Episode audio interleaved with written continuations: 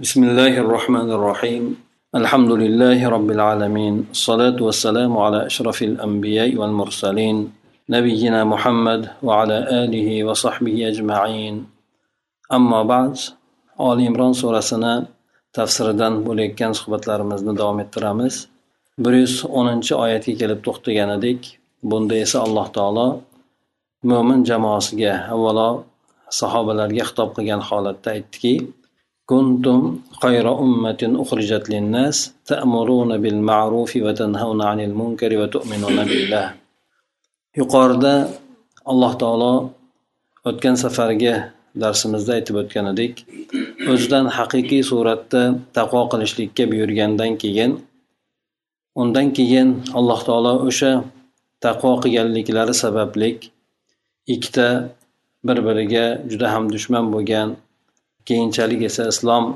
kelishligi bilan ularni o'rtasini isloh qilgan toifa haqida gapirib o'tdi. Alloh taolo undan keyin esa yana o'sha taqvoli taqozolardan bo'lmish sizlardan bir toifa odamlar yaxshilikka chaqiradigan yomonlikdan qaytaradigan hamda amr ma'ruf qiladigan jamoa bo'lsin deb turib buyruq qildi.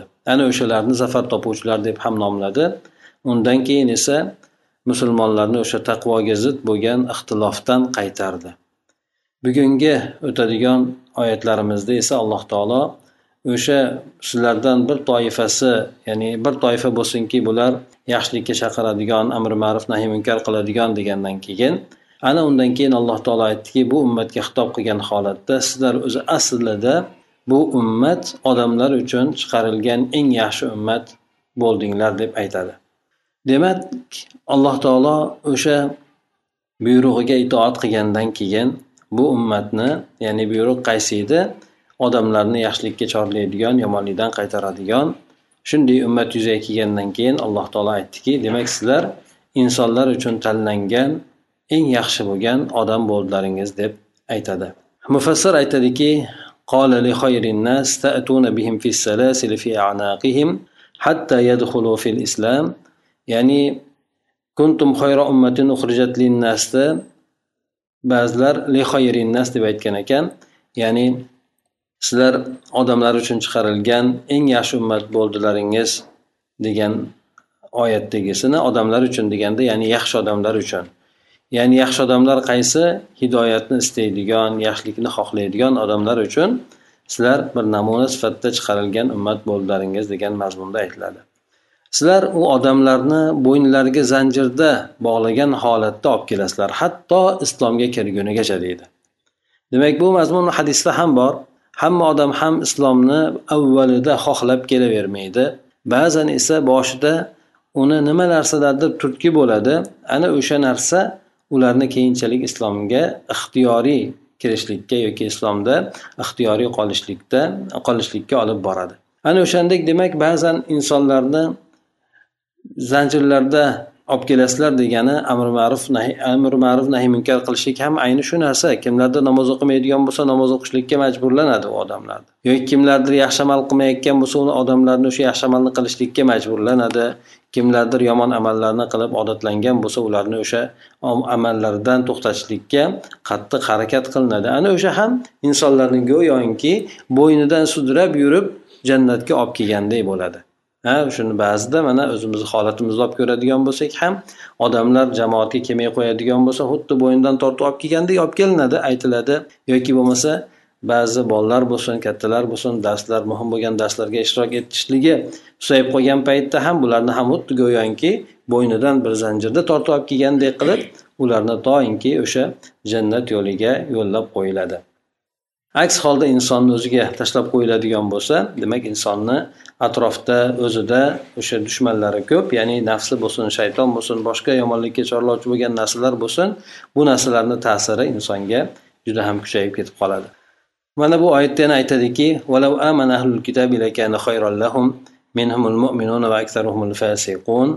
agar ahli kitoblar iymon keltiradigan bo'lsa ular uchun yaxshi bo'lardi deydi. Nega yaxshi bo'lmasin? Chunki iymon insonni asli jannatga olib kiradigan katta bir sababdir. Usiz inson jannatga kirolmaydi. Ahli kitoblar avvalda alloh taoloni eng suyumli ummati bo'lgan edi. Xosatan yahudlar mana ko'p oyatlarda bunga ishora bor. Muso alayhissalom davrlarida shu odamlar uchun eng yaxshi alloh taoloni chiqarilgan alloh taoloni eng suyumli bandalariga aylanib qolishgandi. Lekin bular o'sha iymon borasida iymoni zaiflashib ketdi. Amri ma'ruf nahiy munkar ishlarni to'xtatib qo'yishdi.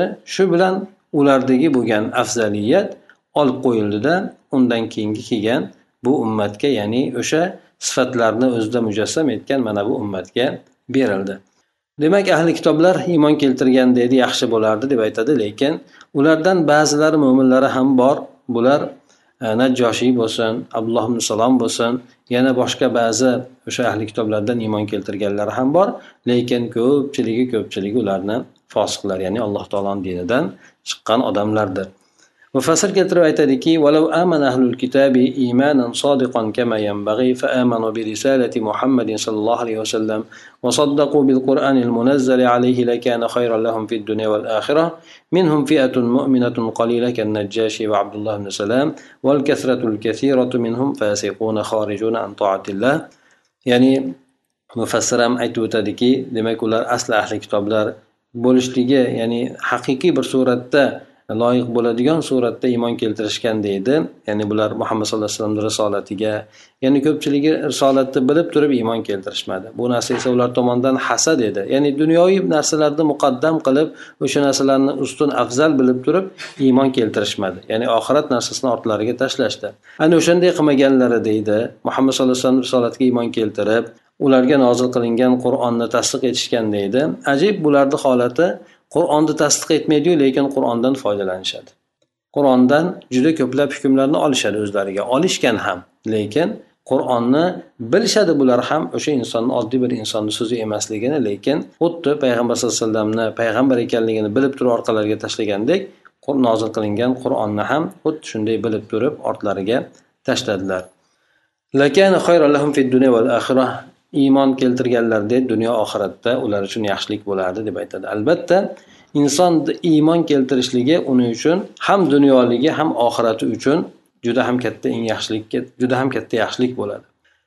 Lekin ulardan ozchilik iymon keltirishdi buni joshiy abdulloh salom aytib o'tganimizdek lekin ulardan juda ham ko'pchiliklari ular alloh taoloni toatidan chiqqan fosiqlar edi. لن يضروكم إلا أذى وإن يقاتلوكم يولوكم الأدبار ثم لا ينصرون ular sizlarga agar yuqoridagi holatda bo'ladigan bo'lsalaringiz ya'ni bu yerdagi oyatda sizlarga zarar berolmaydi illo ba'zi ozorlarni berishligi mumkin deb aytadi qaysi bir holatda agar yuqoridagi bo'lgan sifatlar musulmonlarda mujassam bo'lsa bu amri ma'ruf qilishligi nahiy munkar qilishligi hamda alloh taologa bo'lgan iymoni kuchli bo'lgan holatlari bu davrlar bo'lgan. Musulmonlarda bunday bo'lgan paytda ya'ni iymonlari mustahkam kuchli bo'lib hamda jamiyatda amri ma'ruf nahiy munkar degan narsa oshkor suratda qilingan paytda musulmonlar hukmron bo'lgan dushmanlar ularga ta'ma ham qilolmaydigan holatda bo'lgan lekin u paytlarda faqat ular tili bilangina ozor berishardi. Ma'naviyatlarga ruhlari yetmasdiki musulmonlarga bostirib kelishlikka. Ularni orasidagi munofiq sifatda yurganlari bo'lsin yoki bo'lmasa tashqarida turib musulmonlarga qarshi qarshilik dushmanlik qilayotganlari bo'lsin. Shuning uchun aytadiki agar ular sizlarga faqatgina zarar bermaydi illo bir ozor ba'zi ozorlarni beradi. Va sizlar bilan jang qilib urushadigan bo'lsa ham nafaqat chekinadi balki orqasiga qarab qochadi dedi. Keyin ularga alloh taolo tomonidan ya'ni umuman do'stlari tomonidan ham nusrat kelmaydi buni sababi nima? Iymon keltirmaganligi hamda ularda o'sha amri ma'ruf nahiy munkar bo'lmaganligidir.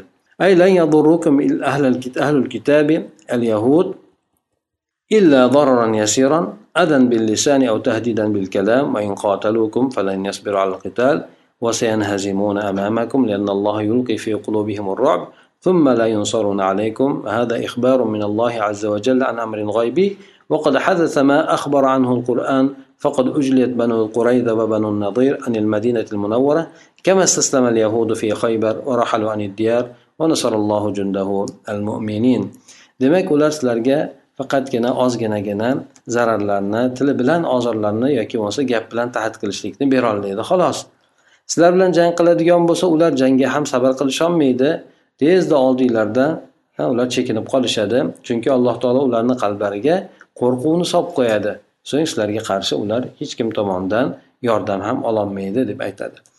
Demak bu aytgan oyatdagi kelayotgan narsalar yuqoridagi bo'lgan oyatga chambarchas bog'liq bo'lganligi aytib o'tganimizdek musulmonlarda qachoniki quvvat hukmronlik hamda musulmonlarda o'sha dinni mahkam tutishlik iymon mustahkamligi o'sha iymon yoki din amallari bilan amal qilishlik bo'layotgan paytda ahli kitoblar demak ularga hech qanaqangi ozorni ber zarar berolmaydi. Faqatgina tildan bo'ladigan ozorlargina yetib qolishi mumkin deb aytdi. Lekin endi hozirgi paytda bo'ladigan bo'lsa bular yana quyida ham keladi.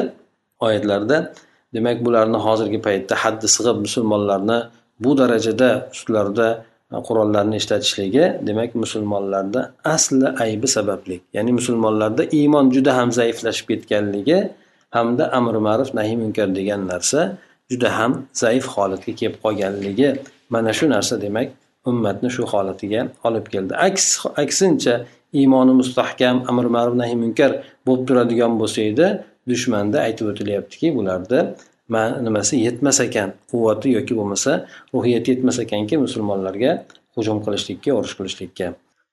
Bu demak alloh taolo tomonidan g'oyibiy bo'lgan ish haqida xabar deb mufassir aytib o'tadi. Bu qur'on xabar bergandek narsalar bo'lgan ya'ni sahobalarni davrida shu qur'on nozil qilingan paytda bu oyatlar nozil bo'lgan bo'lsa undan keyin qancha muddatgacha demak musulmonlar g'olib bo'lgan ularga qarshi dushmanlar xosatan ahli kitoblar nima qilolmagan jur'at qilolmagan ularga qattiq urush qilishlikka lekin qachoniki musulmonlar zaifroq bo'lib qolganligini musulmonlarda ixtilof bo'lgan amri ma'ruf nahiy munkarlar susayib qolgan paytini sezgan paytlarida musulmonlarda tama qilgan lekin shu bilan birgalikda musulmonlar tezda o'ziga kelgan paytlarida dushman ustidan g'olib bo'laverishgan. Yana payg'ambar sallallohu alayhi vasallamni davrlarida bani qurayza bo'lsin bani nazir bo'lsin bular madina munavvaradan surgun qilingandi yana shuningdek haybardagi bo'lgan yahudlar ham taslim bo'lib o'zlarini diyorlaridan ko'chib ketishgan. Alloh taolo esa mo'min askarlarga yordam bergan edi.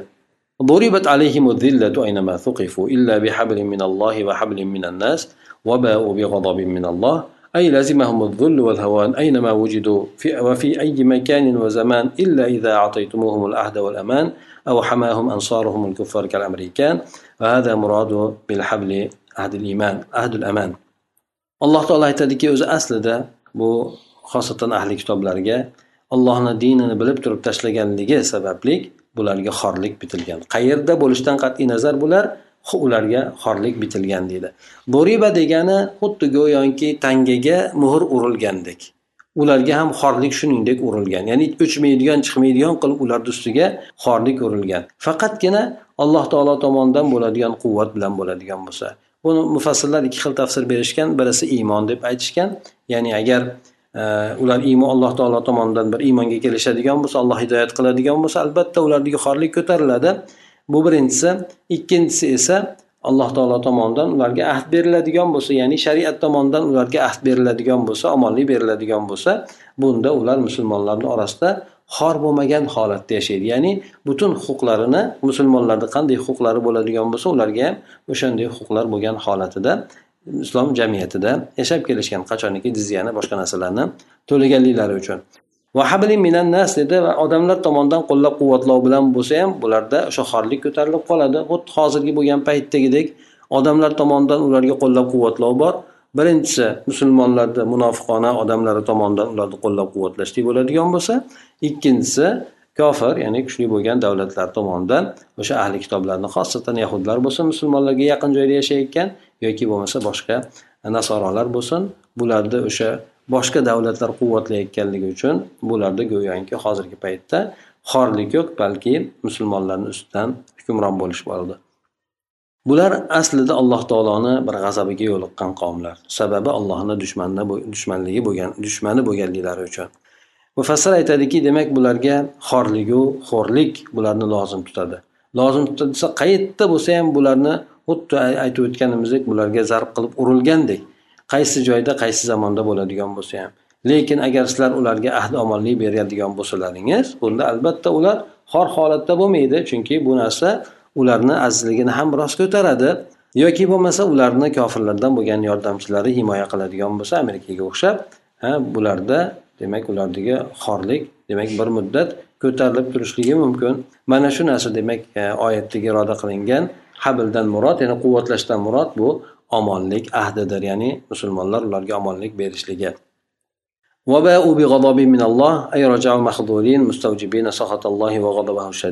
Demak ular alloh taolo tomonidan bo'lgan g'azabga yo'liqqan ha bular e, yordamsiz tashlangan holatda alloh taoloni g'azabini o'zlariga lozim tutgan holatda judayam qattiq nafratni alloh taoloni azobini o'ziga e, lozim tutgan holatda bular qaytganlar ya'ni alloh taoloni shu g'azabiga qattiq azobiga yo'liqqan kimsalardir aytib o'tganimizdek bulardagi bo'lgan o'sha allohni g'azabiga yo'liqishligi dinni bilib turib tark etishligi bo'lgan ضربت عليه وضربت عليهم المسكنة ذلك بأنهم كانوا يكفرون بآيات الله ويقتلون الأنبياء بغير حق ذلك بما عصوا وكانوا يعتدون ya'ni bularga faqirlik bitildi dedi miskinlik bitildi dedi sababi nima Sababi bular alloh taoloni oyatlariga kofir bo'lganliklari hamda payg'ambarlarni nohaqdan o'ldirganliklari dedi. Hop bu yerda qanday tushunishimiz mumkin? Dunyoda hozirgi paytdagi bo'lgan boylari o'shalar bo'lsa aytaylik. Eng katta eng katta o'sha shirkatlarni egalari bo'lsin yoki bo'lmasa banklarni boshqalarni egalari bo'lsin judayam katta mol dunyoga egaku bular nima uchun alloh taolo bu yerda ularga miskinlik bitildi. Ya'ni bitil deganda ham qattiq o'rnashtirib qo'yildi bularga deb aytildi. Buni aytishadiki faqirligi bularni boylikdagi bo'lgan faqirlik emas balki nafsidagi bo'lgan faqirlikdir.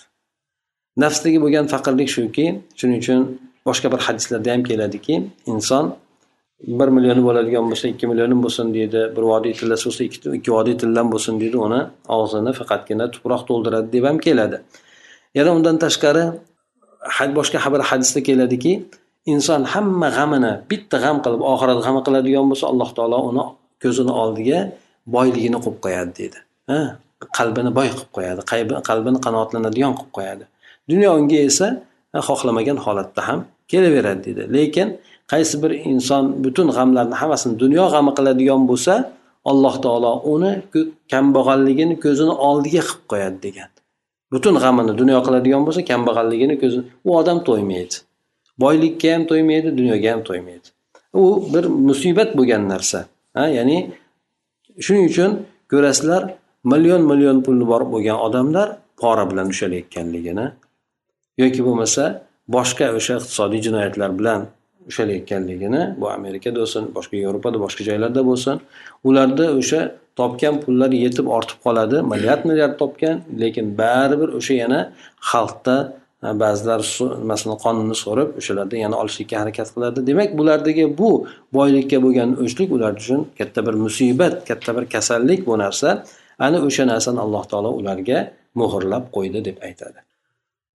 Bularni bunday bo'lib bunday oqibatga kelishligini sababi alloh taoloni oyatlariga kofir bo'lganliklari bilib turib allohni oyatini inkor etganlari hamda payg'ambarlarni nohaqdan o'ldirganlari xosatan bu narsa yahudlarga tegishlidir. Chunki ular qancha qancha payg'ambarlarni nohaqdan o'ldirganlar. Yana bularni bunday bo'lib qolishligini sababi osiylik qilganliklari hamda tajovuzkor bo'lganliklari birovlarni haqqiga tajovuz qilganliklari dedi.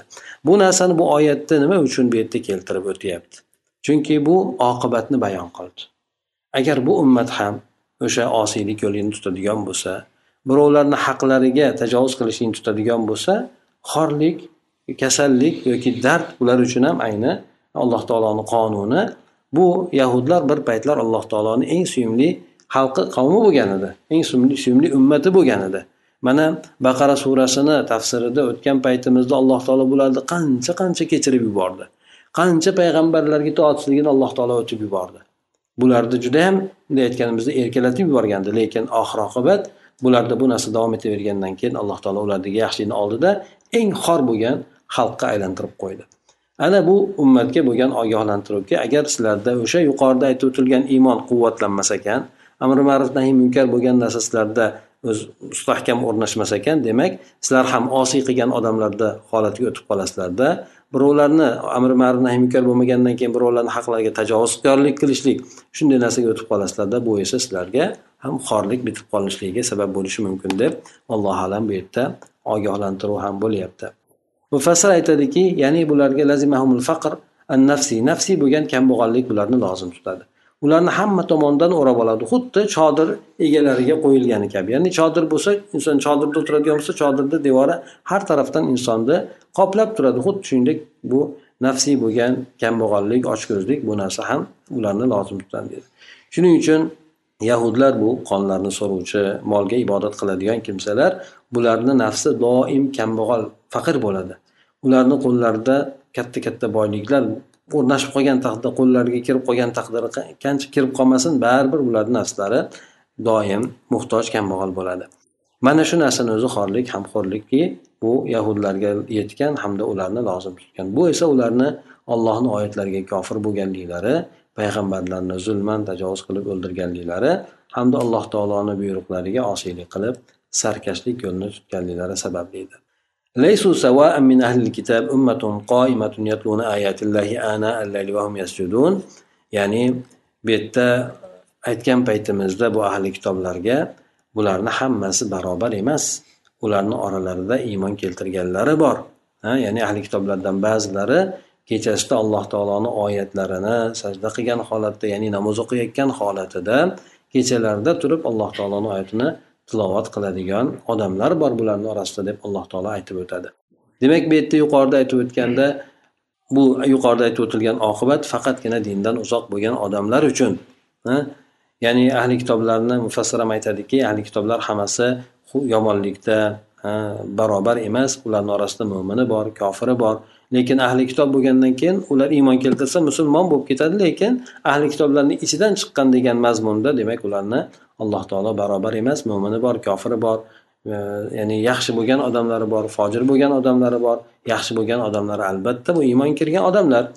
Bularda yana alloh taoloni shariatida mustaqim turgan toifalar borki bular kechalarida qur'oni karimda namozlarida tilovat qilib tahajjud o'qiydilar ya'ni kechalarda ibodat qiladilar. Alloh taologa itoat qilib sajdalarni ko'paytiradilar. Oyat esa o'sha ahli kitoblardan e, musulmon bo'lgan odamlar to'g'risida nozil bo'lgan. Bu yahudlarni shu rohiblari bo'lsin poplari olimlari bo'lsin yoki nasorolarni ulamolari bo'lsin bular to'g'risidadir ya'ni bular dinga bunday suratda kirib mahkam tutishligini sababi demak haq nohaqni bular o'z ko'zi bilan ko'rganligi uchun botilni ichida yashab turib haqni qadrini bilganligi uchun ehtimol bular dinga kirgan paytda mahkam tutgan bo'lsalar kerak يؤمنون بالله واليوم الآخر ويأمرون بالمعروف وينهون عن المنكر ويسارعون في الخير وأولئك من الصالحين o'sha ahli kitoblar ya'ni bular ollohga iymon keltiradilar oxirat kuniga iymon keltiradilar Amri ma'ruf nahiy munkar qiladilar. Yaxshiliklarga shoshiladilar. Mana o'shalar solih bo'lgan kimsalardan deb aytib o'tadi. Demak bularni ham o'sha yaxshi oqibatli bo'lishligi yoki bo'lmasa solih bandalardan solih hamda muslih bo'lgan bandalardan bo'lishligini asosiy sababi bular aytib o'tganimizdek iymoni mustahkam bo'lganligi birinchi o'rinda. Iymonni bilasizlar faqatgina alloh taolo bor yoki bir deb iymon keltirib qo'yishlik emas balki alloh taologa iymon keltirib uni taqozosi bilan amal qilishlik hamda oxiratga iymon keltirishlik deganda inson oqibatdan qo'rqib gunohlardan tiyilishligi hamda boshqalarni ham yaxshilikka buyurib ularni yomonliklardan qaytarishligi o'zlari esa boshqalarga namuna bo'lishligi yaxshiliklarga shoshilishlik borasida ana o'shanday bo'lgan kimsalarga alloh taolo bular haqiqiy ma'nodagi solih bo'lgan kimsalar deb e, sifat berib o'tadi. Demak insonda solih bo'lishligi uchun haqiqatda shu sifatlar topilgan bo'lishi kerak. To'liq suratda solih bo'lishligi uchun. Ollohga iymon keltir allohga oxiratga kuchli suratda iymon keltirgan hamda yaxshilikka buyurib yomonlikdan qaytargan hamda o'zlari yaxshiliklarda boshqalarga namuna bo'lgan kimsalar bo'lishligi kerak ekan. Mufassir ham bu oyatni biroz keyinroq bo'lgan suratda aytib o'tadiki sahiy bo'lgan to'liq bo'lgan suratda allohga oxiratga iymon keltirishligi hech qanaqangi shak shubha qo'ymasdan odamlarga yaxshilikni buyurishligi yaxshilikni o'rgatishligi odamlarni yomonlikdan fojirlik ishlardan qaytarishligi bu o'zlarida hech qanaqangi munofiqlik qilmasdan qilyolmalik qilmasdan hamda bular yaxshi ishlarni qilishlikda toat ishlarida o'zlari musobaqa qilib birinchilar qatorida bo'ladigan kimsalar bular haqiqatda alloh taoloni solih bo'lgan bandalarini e, zimnida bo'ladi deb aytib o'tiladi وما يفعلوا من خير فلن يكفره والله عليم بالمتقين ana endi inson qanchalik amal qilar ekan Albatta bu narsalar alloh taoloni huzurida zoya bo'lmaydi. Alloh taoloni huzurida bitib qo'yiladi. Inson hech kim ko'rmaydigan hech kim bilmaydigan o'rinlarda ham yaxshi amalni qiladigan bo'lsa bu insonlarni qilgan amallari zarracha bo'lsin bu narsalar inkor etilmaydi yoki ularni zoya qilinmaydi. Ana o'sha ahli kitob bo'lgan kimsalarni kechalarida turib namoz o'qishligi to'g'risida bizga xabar berdida bularni amallarini hech kim ko'rmasada lekin qilib o'tadigan amallari hech qachon zoyi bo'lmaydi deb aytiladi. Demak alloh taolo haqiqiy taqvodor bo'lgan kimsalarni biladi. Yuqoridagi bo'lgan taqvoni haqiqiy suratdagi taqvo qilishlikka chaqirgandan keyin bizga bir qancha o'gitlarni berib o'tdi. Ularni darsimizni boshida sanab ham o'tdik. Demak o'sha narsalarni hammasi taqvoga kiradi. Taqvo degani faqatgina harom bo'lgan narsadan yoki shubhali bo'lgan narsadan chetlanib qo'yishlikni o'zigina emas ekan balki alloh nimaga buyurgan bo'lsa o'sha narsani mukammalroq suratda ado etishlik nimadan qaytargan bo'lsa o'sha narsadan uzoqda bo'lishlik bu haqiqiy bu suratdagi taqvo ekan. Mufassir aytadiki demak ular qilib o'tadigan har qanaqangi yaxshi amallar bo'lsin alloh taoloni huzurida zoyi bo'lmaydi. Chunki alloh taolo ularni o'zini ham biladi qilayotgan amallarini taqvolarini ham alloh taolo bilib turadi. Bu esa ularga judayam ko'p savob bo'lishligini bashoratidir ya'ni o'sha ahli kitoblar haqida aytib o'tildi. Demak ahli kitoblarga bo'lgan xitob ularni sifatlarini aytib o'tishligi yaxshilik bilan albatta ularni zimmiga mo'min odamlar ham kiradi إن الذين كفروا لن تغني عنهم أموالهم ولا أولادهم من الله شيئا وأولئك أصحاب النار هم فيها خالدون لما ذكر تعالى حال الأبرار أعقبه بذكر حال الأشرار الكفار وبين مآلهم ومصيرهم أي إن الكفار والفجار الذين جحدوا وحدانية الله وكذبوا رسله لن تنفعهم الأموال والأولاد في الآخرة شيئا ولن تدفع عنهم شيئا من عذاب الله وهم مخلدون في نار جهنم. والآية عامة في جميع الكفار من الوثنيين وأهل الكتاب. فقد كانوا يتعززون بكثرة الأموال والأولاد ويقولون ويقولون نحن أكثر أموالا وأولادا وما نحن بمعذبين. فبين تعالى أن أموالهم وأولادهم لا تنفعهم أي نفع. ana bu qur'onni qur'onni suralarini odati bo'lgani kabi qaysi bir o'rinda alloh taolo yaxshilik haqida yaxshilik qilgan odamlar haqida gapirib o'tadigan bo'lsa uni e, muqobilida yomonlik haqida yomonlik qilgan kishilarni oqibatlari haqida ham aytib o'tadi. Bu insonni ko'ziga yaqqol suratda taqqoslashlik uchun ikkalasini keltirib beradi. Ana endi insonni tanlashlik esa ixtiyorida degan mazmunda. Kofir bo'lgan kimsalar? Bular mol dunyolari na bola chaqalari ular alloh taoloni huzurida biron narsaga biron narsani behojat qilmaydi. Hech narsani foyda bermaydi. Ana ular do'zax egalaridir unda abadiy qoladilar deb aytib o'tadi. Odamlarni orasidagi bo'lgan faxr nimada bo'ladi? Odamlarni bir biridan faxrlanishligi asosan boyligini ko'pligi bilan bo'lgan hamda avvallarda hozirda ham bor farzandlarini yoki bo'lmasa qabilasini kattaligi bilan bo'lgan. Qabilasi qancha katta bo'ladigan bo'lsa shunchalik quvvatli bo'lgan ular. Shuning uchun ular ya'ni farzandlarni ko'pligi e, bir odam keladigan bo'lsa o'zi qurollanar edi atrofidagi farzand amakivachcha boshqalarni ham atrofiga o'sha qurol bilan qo'yardi go'yoki bu odamga ancha muncha odamni gapi o'tmaydigan holatda bo'lardi bu odamlar demak o'sha bilan o'zlarini quvvatini ko'rsatishardi edi shuning uchun alloh taoloni azobi va'da qilingan paytida bular aytishardiki biz ham molimiz ham ko'p bolamiz ham ko'p hech qanaqangi biz azoblanmaymiz. Ya'ni bizni himoya qiladigan vositalarimiz bor. Mol mol dunyoyimiz bor bolalarimiz bor har qanaqangi keladigan azob bo'lsin boshqa bo'lsin biz u narsalarga giriftor bo'lmaymiz deb o'zlarini faxr bilan aytishardi. Demak kofir bo'lgan kimsalarga alloh taolo lan tug'uniya dedi demak mollari hech qanaqangi foyda bermaydi. Shuning uchun demak inson molni jamlashlikka butun umrini sarflashligi zoya ekan. Bolalari ham yordam bermaydi. Demak bu degani inson o'zi uchun o'l yetim degandek hamma ishni o'zi qilish kerak ekan. Ibodatni ham iymonga ham hamma narsaga insonni hamma narsa hammadan alloh taolo birma bir so'rar ekan.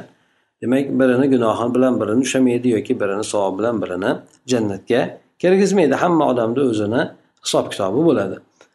Ana o'sha demak insonlar faqat shu dunyolik narsasiga harakatini yo'naltiradigan bo'lsa bular o'sha mol dunyo jamlashlik bilan asosan shu bilan ovora bo'ladigan bo'lsa ya'ni dunyo quvvatlariga ega bo'lishlik bilan ovora bo'ladigan bo'lsa bularni oqibati do'zaxi bo'ladi. Unda do'zaxda bo'lgandan keyin abadiy qoladi. Do'zaxdagi bo'lgan xorlik demak ularni bu dunyodagi topgan boyliklarini boyliklari hech qanaqangi unda unga foyda bermay qoladi.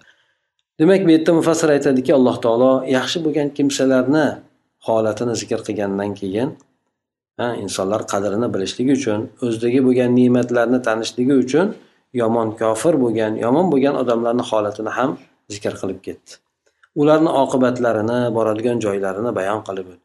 Ya'ni kofir bo'lgan yana shuningdek fojirlik yo'lini zo'ravon bo'lgan yoki katta jinoyatlarni qiladigan kimsalar bular avvalo alloh taoloni birligini inkor etadi.